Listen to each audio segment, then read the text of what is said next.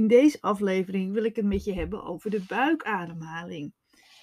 Want waarom is het nou goed om naar je buik te ademen? En moet je eigenlijk ook altijd naar je buik ademen? En waarom lukt het niet altijd om naar je buik te ademen? Nou, daarop wil ik graag eh, antwoord geven, want dat is iets waar ik heel veel vragen over krijg altijd. Over, want over die buikademhaling, we adviseren het en je denkt vaak dat je daarheen moet ademen, maar is dat altijd zo? Want die buikademhaling, dat advies, dat krijg je gewoon heel vaak. Adem gewoon even naar je buik en al je klachten zullen verdwijnen. hoe vaak heb jij dat al gehoord? Hè? Als iemand je vertelt, of als jij iemand vertelt, ik heb last van mijn ademhaling, ik heb hyperventilatie. Nou, dan moet je gewoon even naar je buik ademen. Nou, dan ga je liggen en dan probeer je het en dan voel je je vaak heel gespannen, want het wil niet zo goed. Het lukt liggend wel, hè, dat, om naar je buik te ademen, als je gefocust en je echt je best doet. Maar zo gauw je wat doet, dan zit die ademhaling alweer in je flank of in je borst. En dan gaat hij weer omhoog. Even een flankademhaling, dat is eigenlijk een soort middenademhaling. Dit zit in je flanken, dus je ribben. En die ribben bewegen dan naar de zijkant toe. Maar daar ga ik het direct nog over hebben. Nou, het doel van ademen is dat we voldoende energie binnenkrijgen om goed te kunnen functioneren. Hebben we weinig energie nodig, dan is onze ademhaling dus ook rustig en in de buik. Hebben we meer energie nodig, dan versnelt de ademhaling zich en zal je ademhaling naar je borstkas gaan. Van de weg is zo korter en sneller, hè? want je borstkas dat zit veel dichterbij bij je neus en je mond, waardoor je de lucht naar binnen haalt, en dan je buik. dus die weg is korter.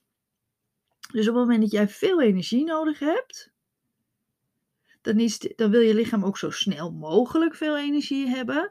En dan zal de weg van de ademhaling ook korter worden. Daarom ga je en sneller en hoger ademen. Ben je rustig, dan heb je lichaam minder energie nodig en hoor je dus naar je buik te ademen. En die weg is dus langer, want je lichaam kan er langer over doen om die, om, de, dat, eh, om die lucht binnen te krijgen. Nou, wat is nou, wanneer heb je nou extra energie nodig? bijvoorbeeld tijdens het sporten of als je een sprintje trekt om de trein te halen. Maar hebben wij stress, dan kost dit ons ook extra energie. En dan wil je je lichaam dus ook ondersteunen door extra energie vrij te maken, zodat je kan vluchten of vechten. Dus irriteer jij bijvoorbeeld aan je collega, dan wil je onderbewust het gevecht aangaan of vluchten. En hierdoor wordt dus extra energie vrijgemaakt. Maar in de meeste gevallen zullen wij tijdens die stress op onze stoel blijven zitten en die extra energie dus niet gebruiken. En daar gaat het dus mis, hè?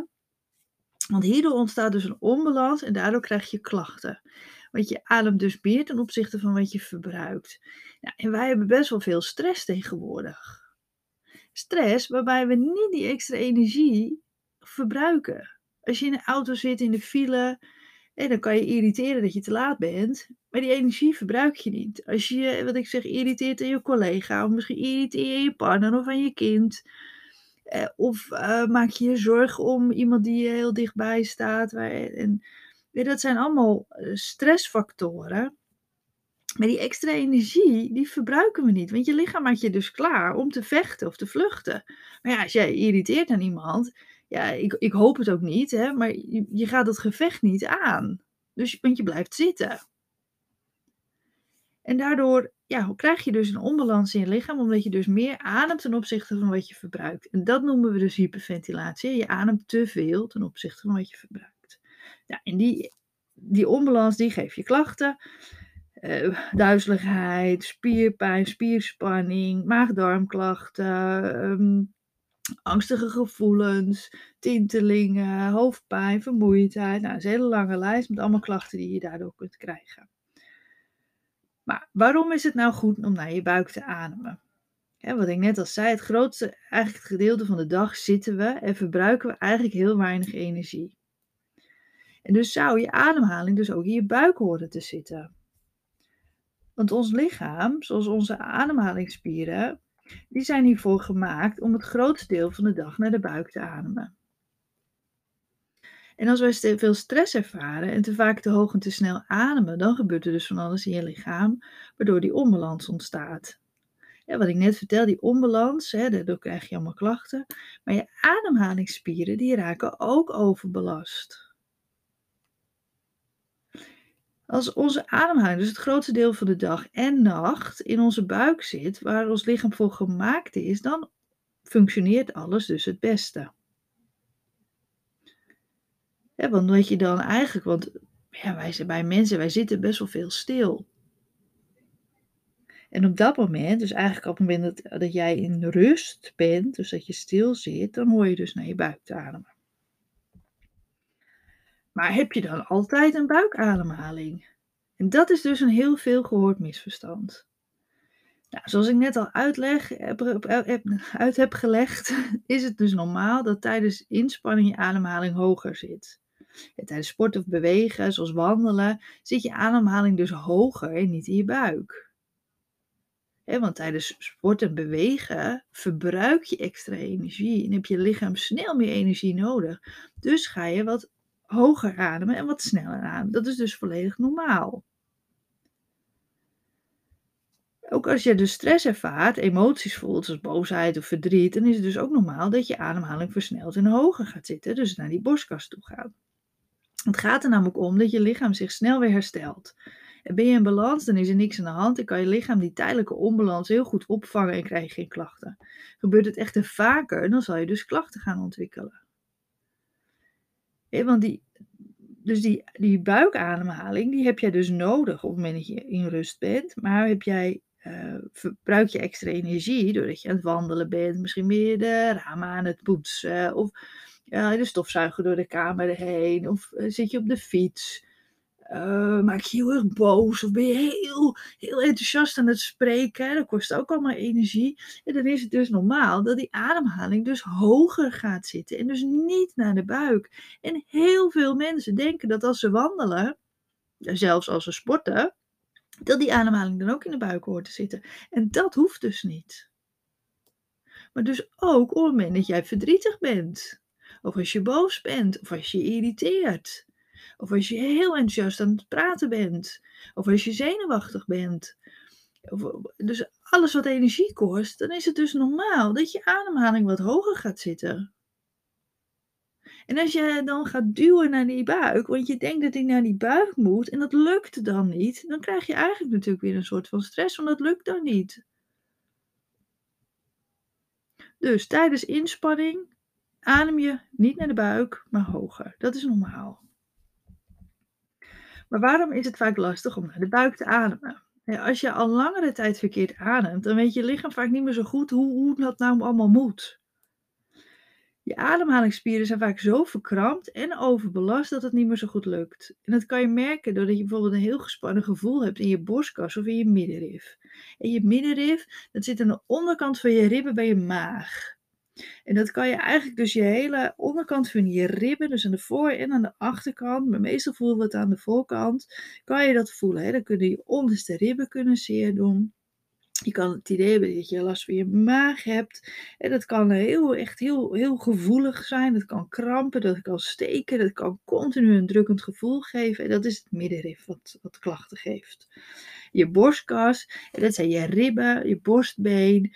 Uh, tussen je schouderbladen. En dus eigenlijk alles in, die borstkas, de voor- en achterkant. En die kan dan zeer doen. Dat kan ook steken, dat kan een brandend gevoel geven. Dat kan een, een drukkend gevoel geven. Dat kan uh, gaan echt pijn doen, krampen.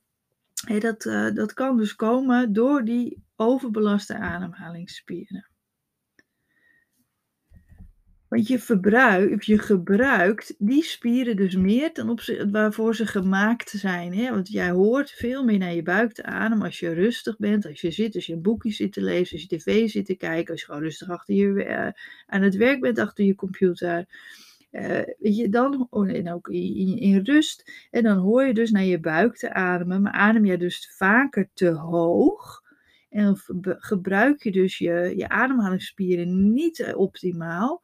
En dan overbelast je en dan krijg je klachten. En dat kan dus pijn geven in middenrif en in je borstkas, maar ook richting je nek en je schouders bijvoorbeeld, wat dan weer klachten kan geven als duizeligheid en hoofdpijn. dus die, die, op een gegeven moment zijn die spieren zo verkrampt dat je niet meer goed naar je buik kan ademen. Want als die borstkaspieren zo verkrampt zijn, of dat middenrif, dan lukt het niet meer goed.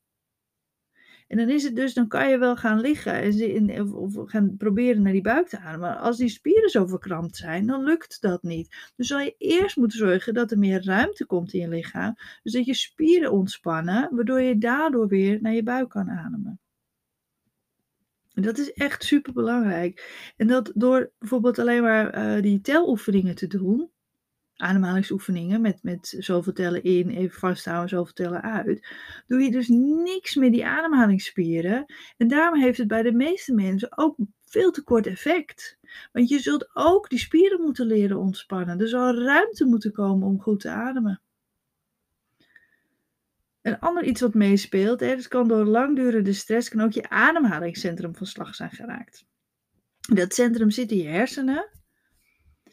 En dat kan zijn dat je, dat je als het ware in een te hoge versnelling staat. Hè? Dat je in een te hoge versnelling gaat ademen.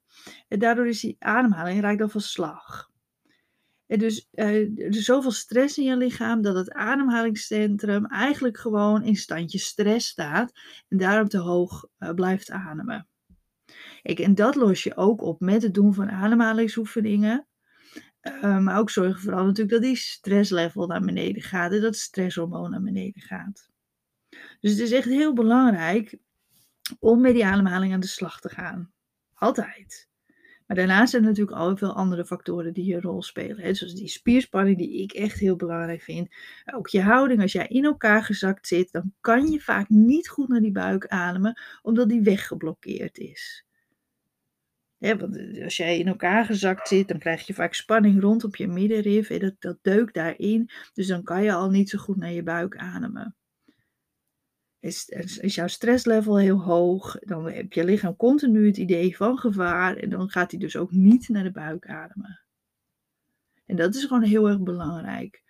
Dus moet je altijd naar je buik ademen? Nee, absoluut niet. Uh, alleen in rust adem je naar de buik. Dat doen wij best wel vaak, hè, want als we stilzitten is dat een vorm van rust.